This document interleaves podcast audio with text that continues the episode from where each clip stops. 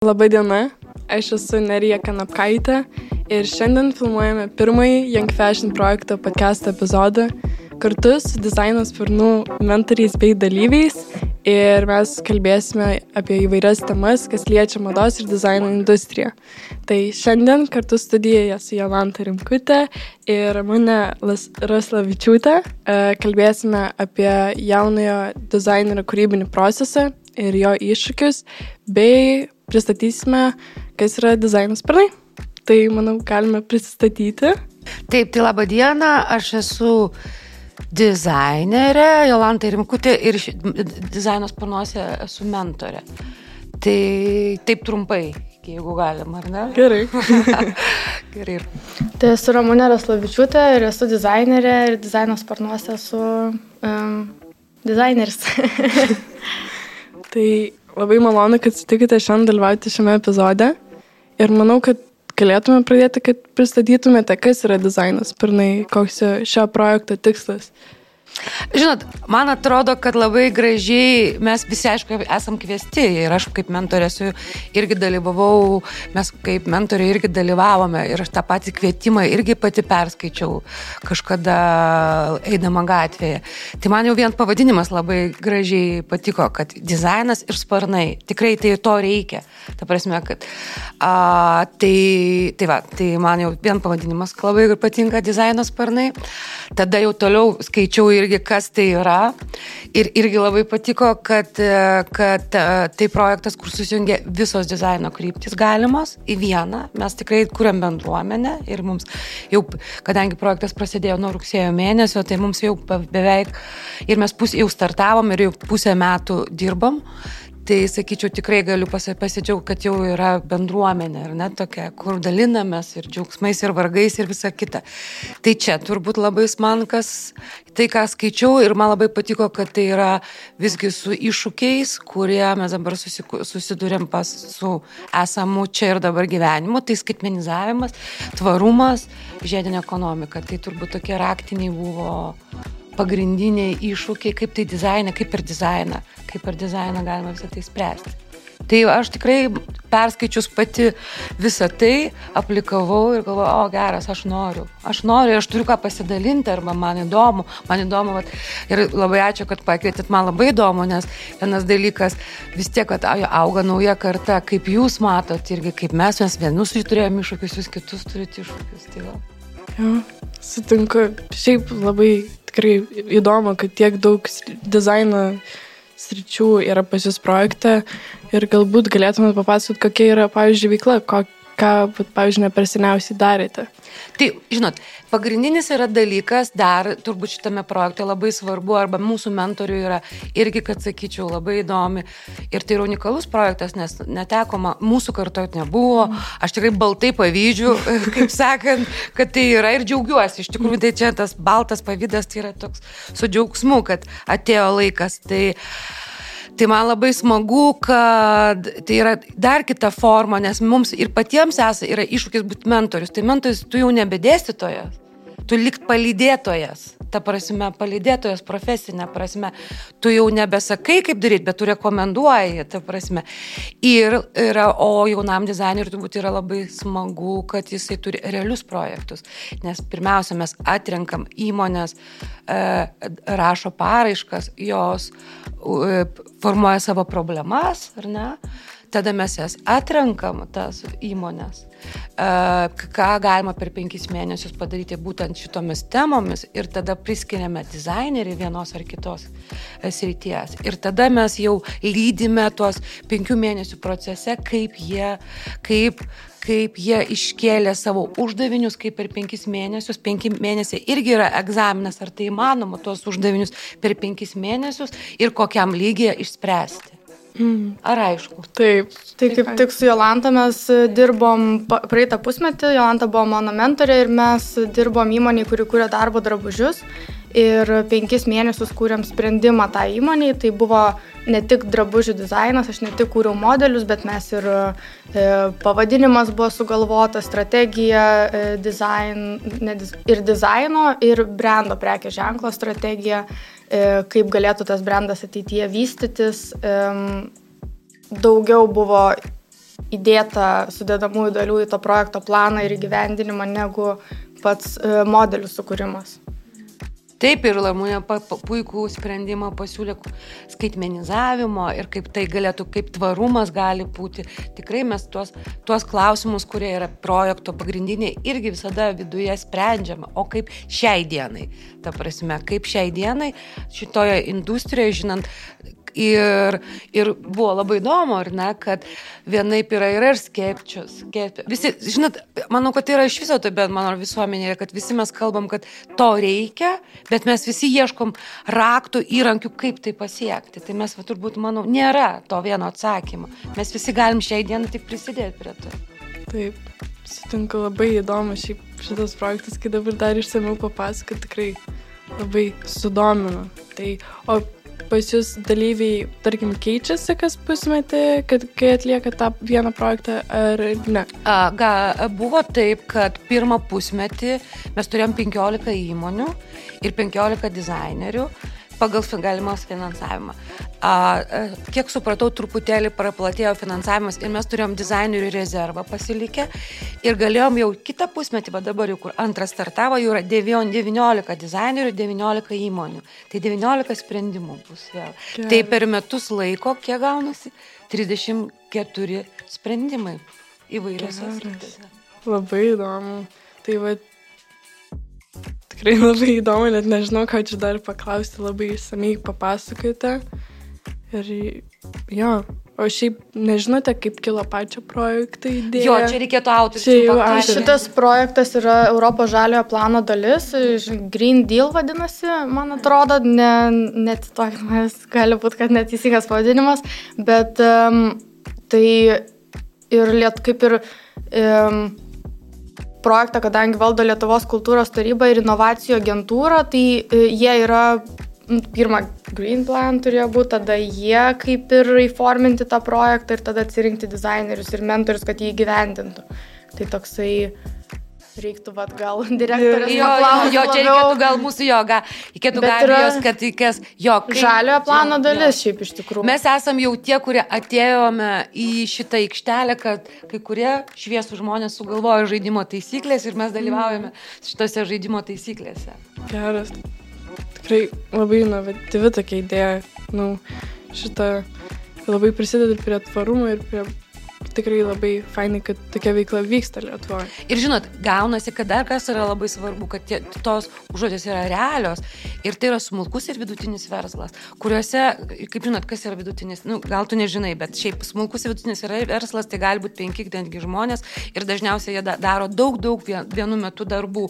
Ir gal jie norėtų apie tai galvoti, bet nėra laiko, ar ne? Ir čia, va, iš šalies, bet kokia atveju šalies atėjęs žmogus, kūrybinis žmogus, gal jisai tarkim, aš manau, ir Ramūnės atveju, gal jinai daug pra, iš sumaišties, bet gerosios, žinai. Gal verta paminėti, kad dauguma tų įmonių, kuriuom buvo priskirti dizaineriai, yra gyvenime nedirbę su dizainu. Jie labiau nuo senų laikų Taip. vykdo priekybą, kaip pavyzdžiui, darbo drabužiai, yra e, pakankamai seni modeliai, kuriuos reikia atnaujinti, jų nekuria dizainerius, jos kuria technologas arba e, žmogus, kuris labiau turi techninį išsilavinimą, bet ne dizaino.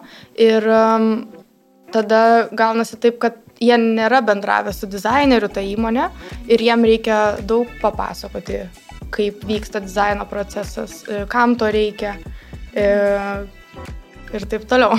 Toksai, jo, labai daug savarankiškos veiklos ir edukacijos pačiai įmoniai gaunasi netgi kartais iš dizainerio pusės. Ai, tai Nes taip, nes žinot, čia ir yra turbūt gyvenime vėliau, ai, nu čia tu tau papiešti ir tada. Yeah. Tai yra, kai tu, ką tu čia keturis metus mokysi. Ir va tas, kodėl reikia mokėti tiek daug už dizainą. Yeah. Tai čia turbūt, nu, irgi, va, ta, čia irgi yra pavyzdys, ką, ką reiškia, kai žmogus nuosekliai, sistemingai nuo dizaino tyrimo, ar ne, ką, ar tokio, nuo įžvalgų, nuo pastebėjimo. Nuo, taigi vėlgi esminis yra dalykas dizainas, dizainas visomis kryptimis, be, kuris yra, tu nekalbi vien tik apie save, tu nori nagrinėti problemą, tu nori atsakyti ir tai, tarkime, tu nori būti, tai čia, tai yra labai daug ma mąstymo. Nes dar yra taip, kad universitete dizaineriai yra mokomi spręsti problemą, pirmą išsinagrinėti užduotį, tada jai pateikti sprendimus, o atėjus e, dirbti įmonė, ypač Lietuvoje, jie yra nesusipažinę su visų dizaino procesu, su kuriuo yra supažinimas dizaineris bakalauro studijų metu ar magistro. Ir tada gaunasi taip, kad e, įmonė nori, kad e, dizaineris darbus atliktų kuo greičiau. Um, jie nelabai turi to mąstymo, kurį turi dizaineris, kad reikia ir spalvas, ir šriftus, ir medžiagas parinkti, laiko duoti, pagalvoti, ko nori vartotojas. Ir to daug dizaineriai yra mokomi universitete, bet praktikoje labai, kai ypač kai įmonė nėra susidūrusi su dizaino procesu, tas nėra taikoma. Ir tada gaunasi toks, tai kam aš čia viso šito mokiausi. Jeigu galim tiesiog imti ir piešti. mm. Na, šiaip šitas požiūris užsistovėjęs labai, kad nėra suprantama apie tą visą kūrybinį procesą. Taip. Ten ar įmonės, ar šiaip net vartotojai, tarkim, pačių drabužių. Ten, kodėl tokia didelė kaina, tada ta. Ir čia, manau, labai didelė problema, pavyzdžiui, tiem smulkiems versams, kurie patys viską daro ten, tarkim. Dar kas labai skiriasi nuo universiteto, kaip tik pagalvojau, kad universitete tai tu imkite medžiagas, kokias norit, ką norit kurkit, darykit, o ateini į įmonę ir yra, mums reikia tilpti šitą biudžetą, medžiaga turi metras už tiek kainuoti, tas, tas, kuo daugiau nemokamai, kuo, nu, nes verslas žiūri labiau į kiek tai gali atsipirkti, bet ne kiek kūrybiškumo reikia įdėti į tai. Nu, žodžiu, daug rėmų, kuriuose tu turi išlaikyti ir kūrybiškumą savo. Ko universitete, gal sakyčiau, vat, ne, nėra mokoma. Mm. Tai, o pavyzdžiui, jūs kaip pradėjote šį kelią į mados industriją, jūs susidūrėte labai su tom, pavyzdžiui, nu, tokia kaip iššūkiais, kad, tarkim, ten Nežinau, nu, pavyzdžiui, aš iš savo patirties galiu pasakyti, kad ten susilaukdavau komentarų, kad ko, kodėl čia tokia kaina, tarkim, nes... Visada. Aš, jo, visada. Nes žmonės nesupranta, kas yra, tarkim, kad reikia lekalus padaryti, kiek laiko atima, kad pati medžiaga, ten viskas įeina. Bet labai įdomi idėja, kuri um, dabar buvom kaip tik Münchenė uh, lauko drabužių parodoje ir buvo viena salė, kuri skirta buvo inovacijoms. Ir e, kalbama ir apie tokį dalyką kaip gaminio pasas, kurį e, ar tai uždėjus kodą, ar, e, ar tinklapyje, kuriame parduodamas tas drabužis, būtų galima e, matyti viską nuo pat pradžių, nuo drabužių dažymo ar e, medžiagų, kiek kas kainavo, kiek kainavo žmogaus darbas, kur kas buvo padaryta. E, kiek laiko tas drabužis buvo nešiojamas. Labai labai labai daug informacijos apie patį gaminį pateikti vartotojui, kad jisai būtų kaip ir skaidrus tas um, drab, drabužio gyvenimo kelias. Geras. Bet Nu, Čia tokia ateities. Jo, jo, ar jinai bus pritaikyta ateitie, neaišku, nes visą laiką atsiranda kažkokių inovacijų, kurios neprigyja, kaip ten, pavyzdžiui, 3D spausdinimas prieš penkis metus buvo labai e, plačiai kalbama, kad ir maistą toj čia spausdins ir taip toliau, bet, nu, kol kas nespausdina jo. Tai čia va tokia va nauja idėja, kad turėtų būti tas gaminio pasas, yra įmonės, kurios ar tai čipą deda, ar tai tą QR kodą, bet bando įvedinėti tokią sistemą. Mhm.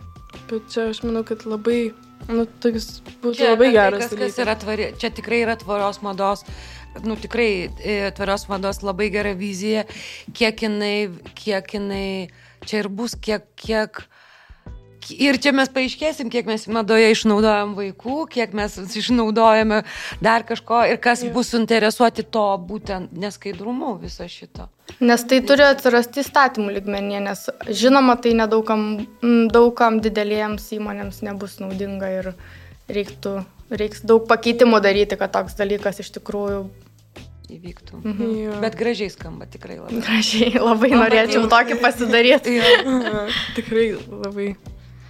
Um, o šiaip, pat Gal galite? Tai dar, jeigu atsakant, ne, net ir tavo kartai, ir mūsų kartai tas jo. pats galioja. Mhm. Ta prasme, ir apie kūrybiškumą, lygiai taip pat tai ne vien tik apie rūbą, ar apie keramiką, ar apie tapybos paveikslą.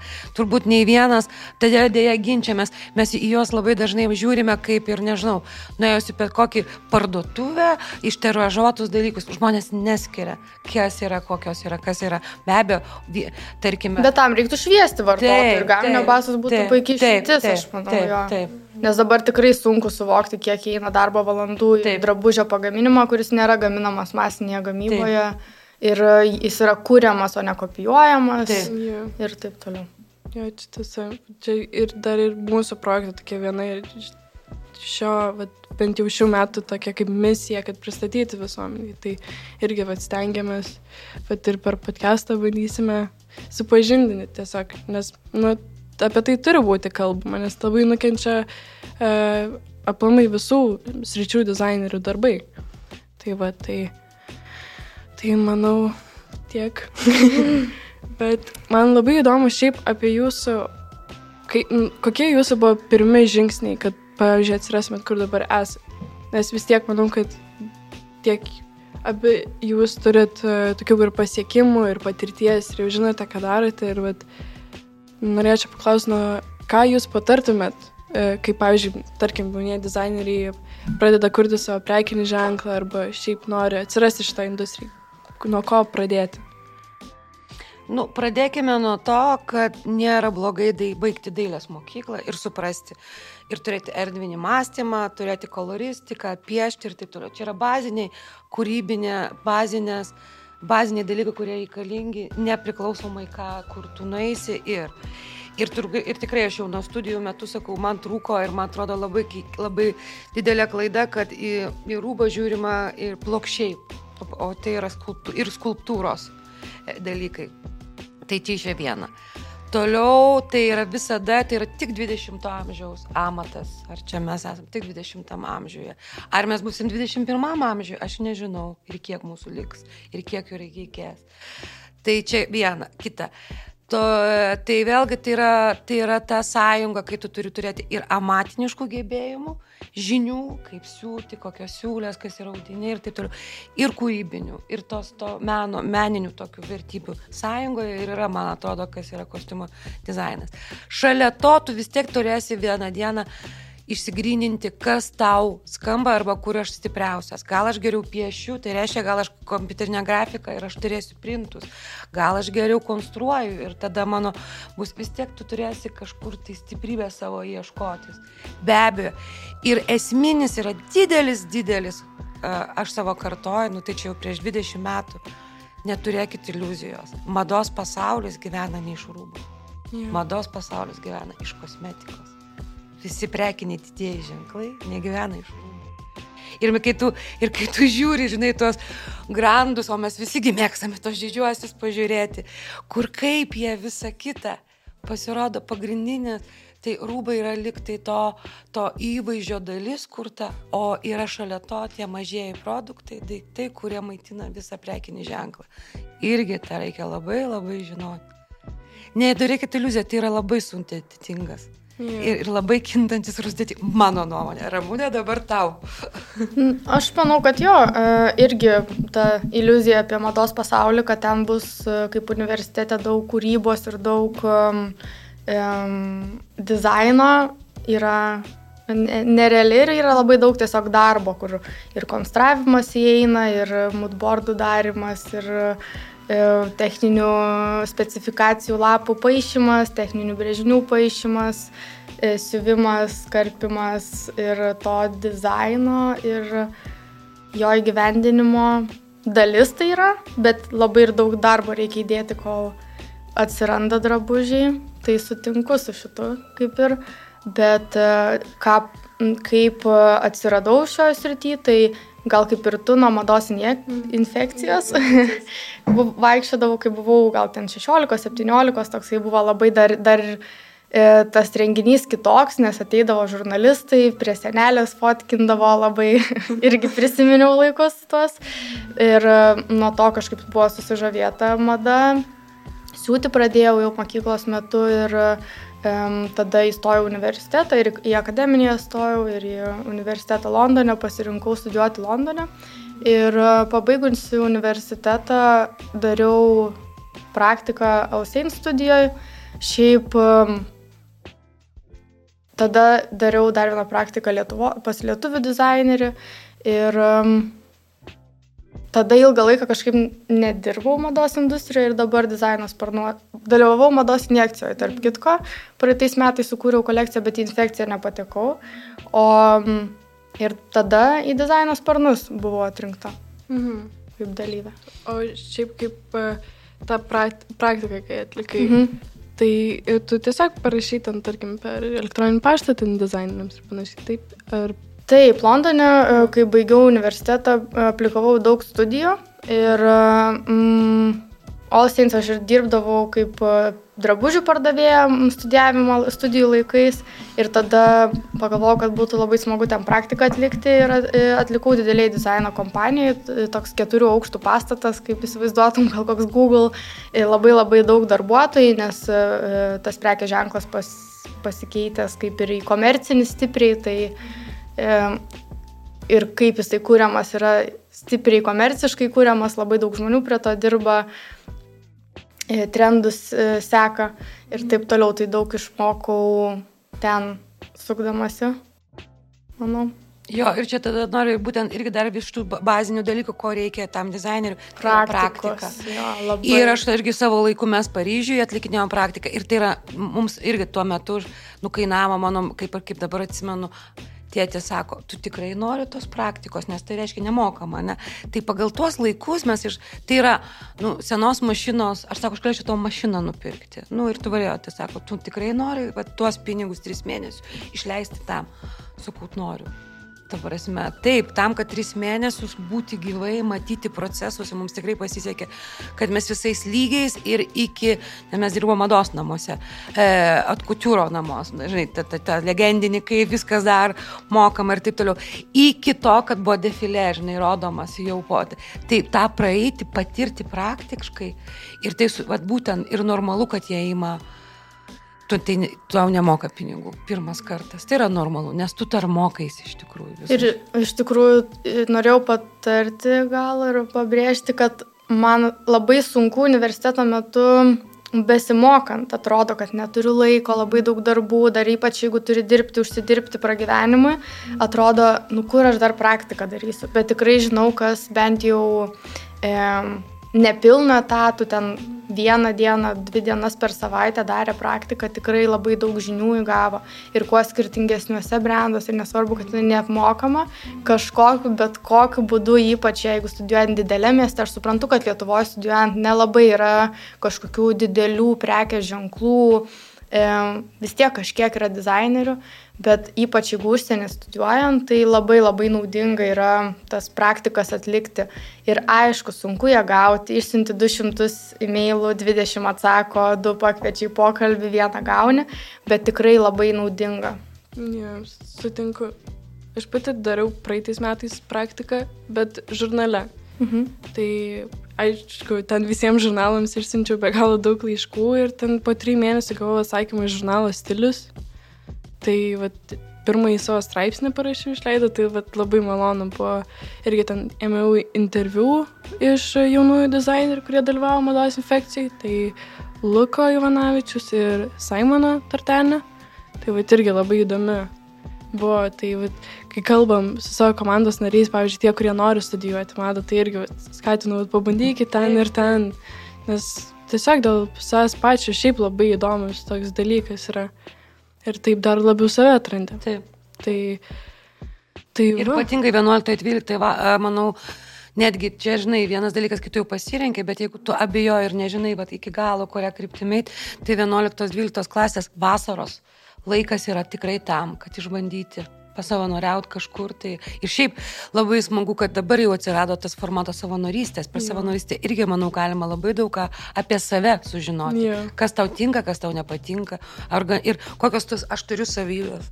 Gal man, gal man daug žmonių, man, aš blogai jaučiuosi, gal aš ten galima labai išsitikrinti, išėjus iš komforto zonos, šeimos ir klasiokų. jo, jo, jo. Tai taip, kad čia būtų irgi kaip vienas iš savanorystė, manau, kad irgi galima. Mhm. Jo, taip ir tiek daug šiaip galimybių yra. Tiesiog reikia perlipti save ir nebijoti. Taip, Tai- taip. Tai va.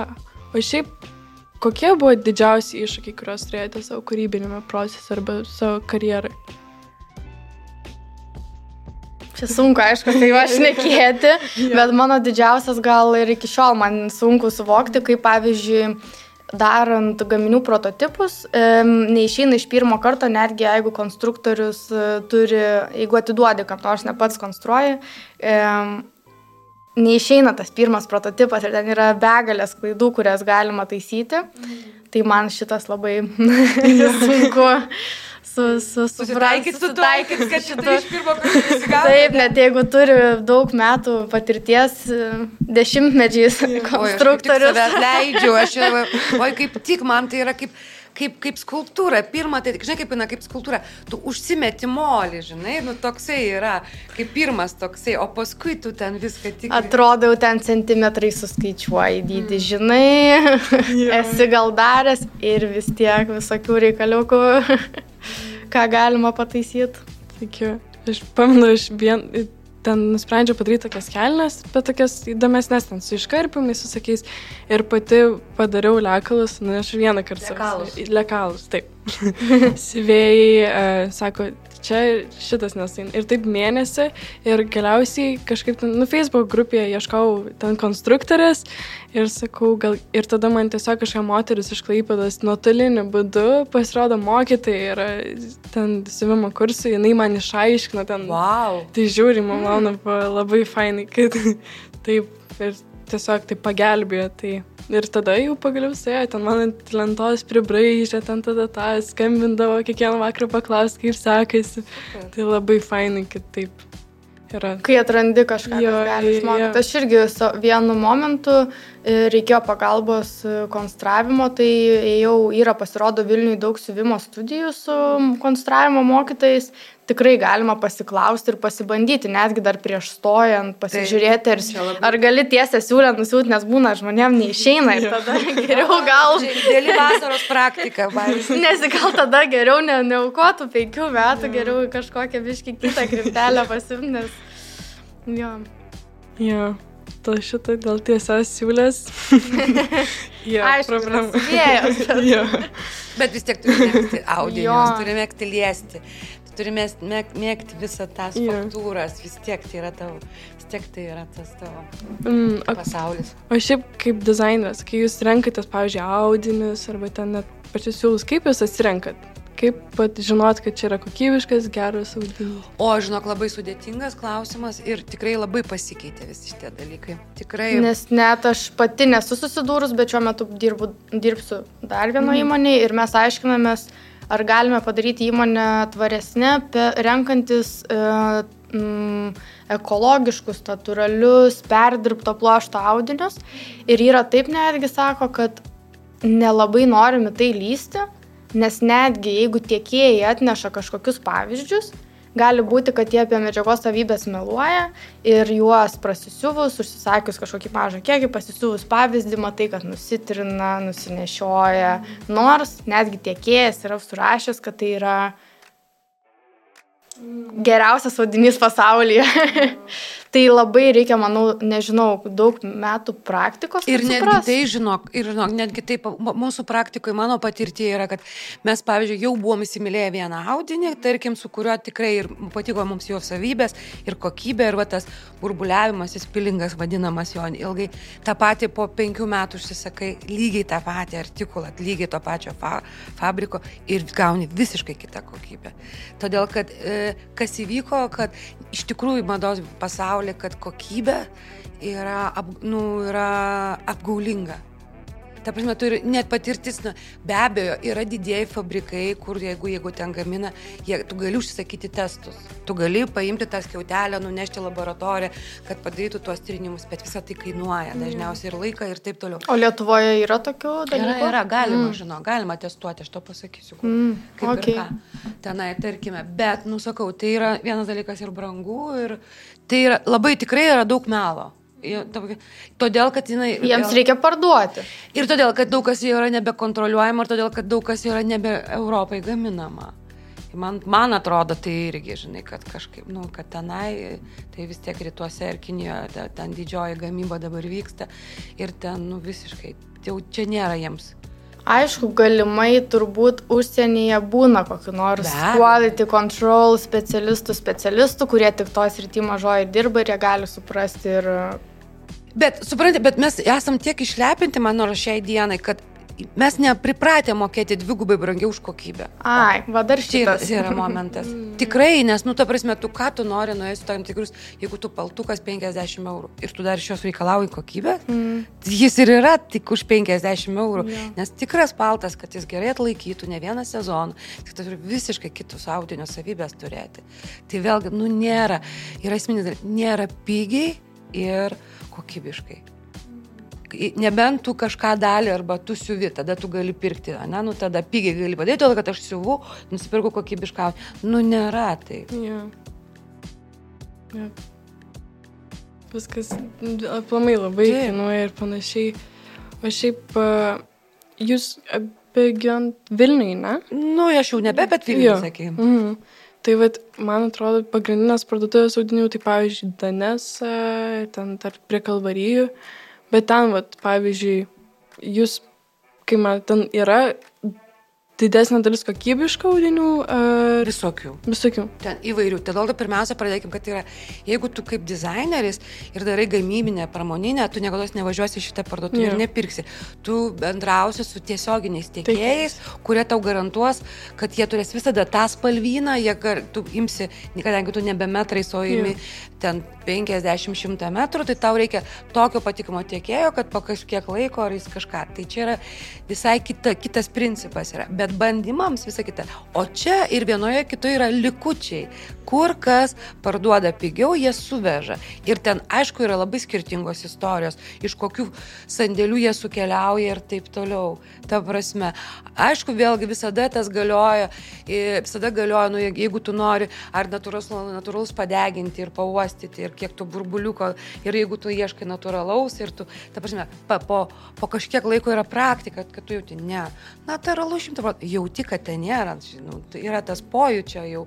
Ir visada, aš visada pasitikrinu, aš padeginu, jeigu darosi. Čia Vilnai labiau tinka. Ne, matai, jeigu Vilna su poliesteriu mhm. ir sako, kad nėra poliesterio, tai mhm. tu padegink, mhm. Vilna tai yra, yra niekada burbuliukai nesidarys, o jeigu yra mhm. burbuliukų darimas, tai yra, reiškia, yra sintetikos. Tai tokių jaučių yra YouTube videos tips and tricks, kaip ten ką patikrint, bet šiaip sudėtinga. Mm.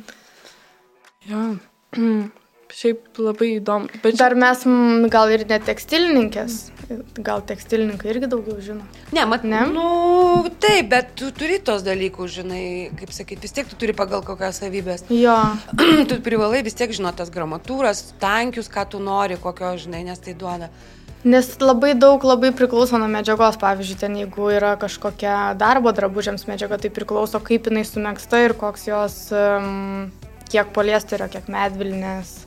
Jeigu yra kažkiek um, poliesterio, pavyzdžiui, netgi maikėse 97 procentai medvilnės, o 3 poliesterio, tai ma lėčiau susiskalbė. Nu, tokių visokių, bet labai priklauso nuo medžiagos, nes medžiagų tipų yra begalė e, ir tų vat e, mini pam, pa, pamastymų su praktika atsiranda, kažką sužinai, bet iš esmės sudėtinga net ir žinant. Taip, ir pažiūrėkit, kai kurie prekiniai ženklai, nu, irgi nevardinsiu, bet, pažiūrėjau, nekeičia ilgą laiką, nes čia tas eksperimentavimas su audiniais, tu paskui gali labai, nu, jeigu, tarkim, aš jau šitą, tai žinau, kad jis yra geras, kokybiškas, sukontaktuoju, turiu gerų santykių su fabriku ir labai dažnai, pavyzdžiui, toj kolekcijai jis keis kitą formą, bet medžiaga liks, gal gramatūra, spalva. Yra įsi, įsi susidirbimas paskui su, su tom medžiagom. Ir galiausiai technologiniai dalykai, žinai, kurie, tai čia viskas, jau mes kalbam, kai jau darai daug. Žodžiu, super sudėtinga atsakyti klausimą. Bet neturim konkrečių jokių. Bet kaip pradedančiam, tai sakyčiau, e, čia dabar mes reklamą darom turbūt, tai e, jo kalvarijų šita parduotuvė yra N metų ir aš visada, jeigu kažką reikia pradėti nuo, kai ką noriu, tarkim, bandymams, tai, visa, tai aš nuo tenai pradedu. Nes pačios geriausios kainos ten yra. O Danesa, ta, vėlgi, ta didžioji, tai tenka, nes man teko N metų dirbti uh, Latvijoje, tai Latvijai pavydėjo. Mes kartais važiuodavom iš Rygos užsipirkti šitą parduotuvę, nes iš tikrųjų yra labai patogu, yra, ten nėra pigų, bet yra didelis asortimentas vienoje mm. vietoje. Tai kad tu ten visą dieną gali visam spektakliu, kuriam reikia labai įvairių audinių, mm. pavyzdžiui, su, surinkti. Tai čia jau yra išskirtinumas, pavyzdžiui. Tai va, tai Latvija ir aš girdžiu, pavyzdžiui, kartais, kad latviškai kalba seniau ir girdėdavo, kad ir baltarusiškai, ta prasme, kad atvažiuodavo, netgi ant tiek patogų šitie tam. Geras. O dėl kad sunku atsakyti šitą, tai tikiu, nu čia labai šiaip yra plati tema. Taip, visokiausi. O šiaip, kaip manot, ko dar, nu vis tiek keičiasi ta mados kultūra kiekvienais metais, ypač Lietuvoje dabar, kai tiek daug uh, išriškėja dizainerių vis labiau, ten vis įda, nu, viskas labai sparčiai keičiasi, tai kaip man ko dar trūksta, palyginus, pavyzdžiui, ten, nežinau, su, kaip pasakyti, mados centrais, ten, tarkim, Prancūzija, ten Anglija ir ten panašiai, kaip man ko dar trūksta pas mus. Ramonė pasakyk. Pas palyginus su mados centrais, ko trūksta.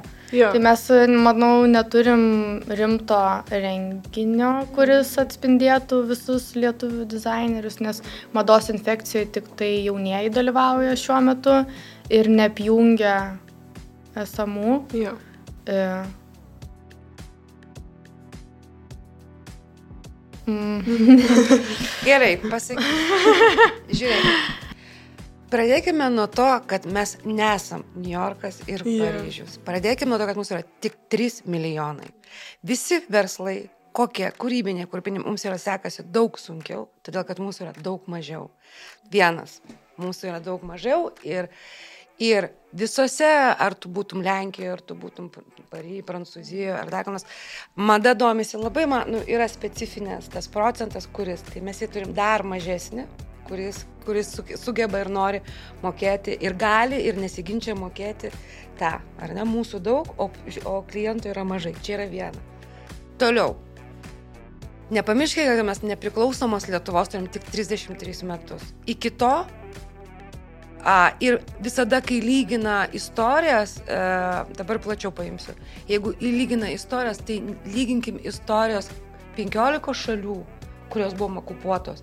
Ir niekada nelyginkite mūsų istorijos su belgų ir prancūzų, nes jie neturėjo tokio karo, jų pusė e, Giminės... Pastaruoju metu neturėjo. Ne, nu, ta, jie turėjo antrą pasaulinį, bet pusė nebuvo ištremta, pusė nebuvo sušaudyta ir išvežta. Ta prasme, jeigu, jeigu mes e, turėję prieš karą priklausomybę būtumėm vystėsi kaip toliau, tai mes būtumėm tikrai kitame lygyje. Dėja, šitas laikmetis mus labai. Bet ne šalia to, mes turėjom labai daug gerų fabrikų.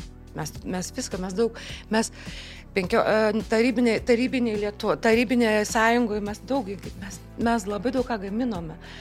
A, mes turėjom mados namus, žinote, banga, žurnalas, kad nors pavartyk būtinai, ar nueik į kokį mažvido biblioteką, pavartyk. Mes turėjome tendencijas viskas buvo. Ir, ir, ir, čia yra labai, ir dar yra gyvų žmonių, va, ga, va, tikrai duosiu pavardę, ką galėtum pakalbinti, kas tada buvo mada. Mhm. Tarkim, ir ka, kas buvo mados namai tuo metu. Mes turėjome mados namus, mes diktavom, mados namai turėjo žurnalą. Yra kitas blogas dalykas, kad visa tai, tai buvo deficito laikai ir nebuvo konkurencijos ir reikėjo tiesiog gaminti ir tai buvo vis tiek geriau, suvokimas mūsų buvo aukštesnis ir mes lengvai viskas būdavo, ištirpdavo.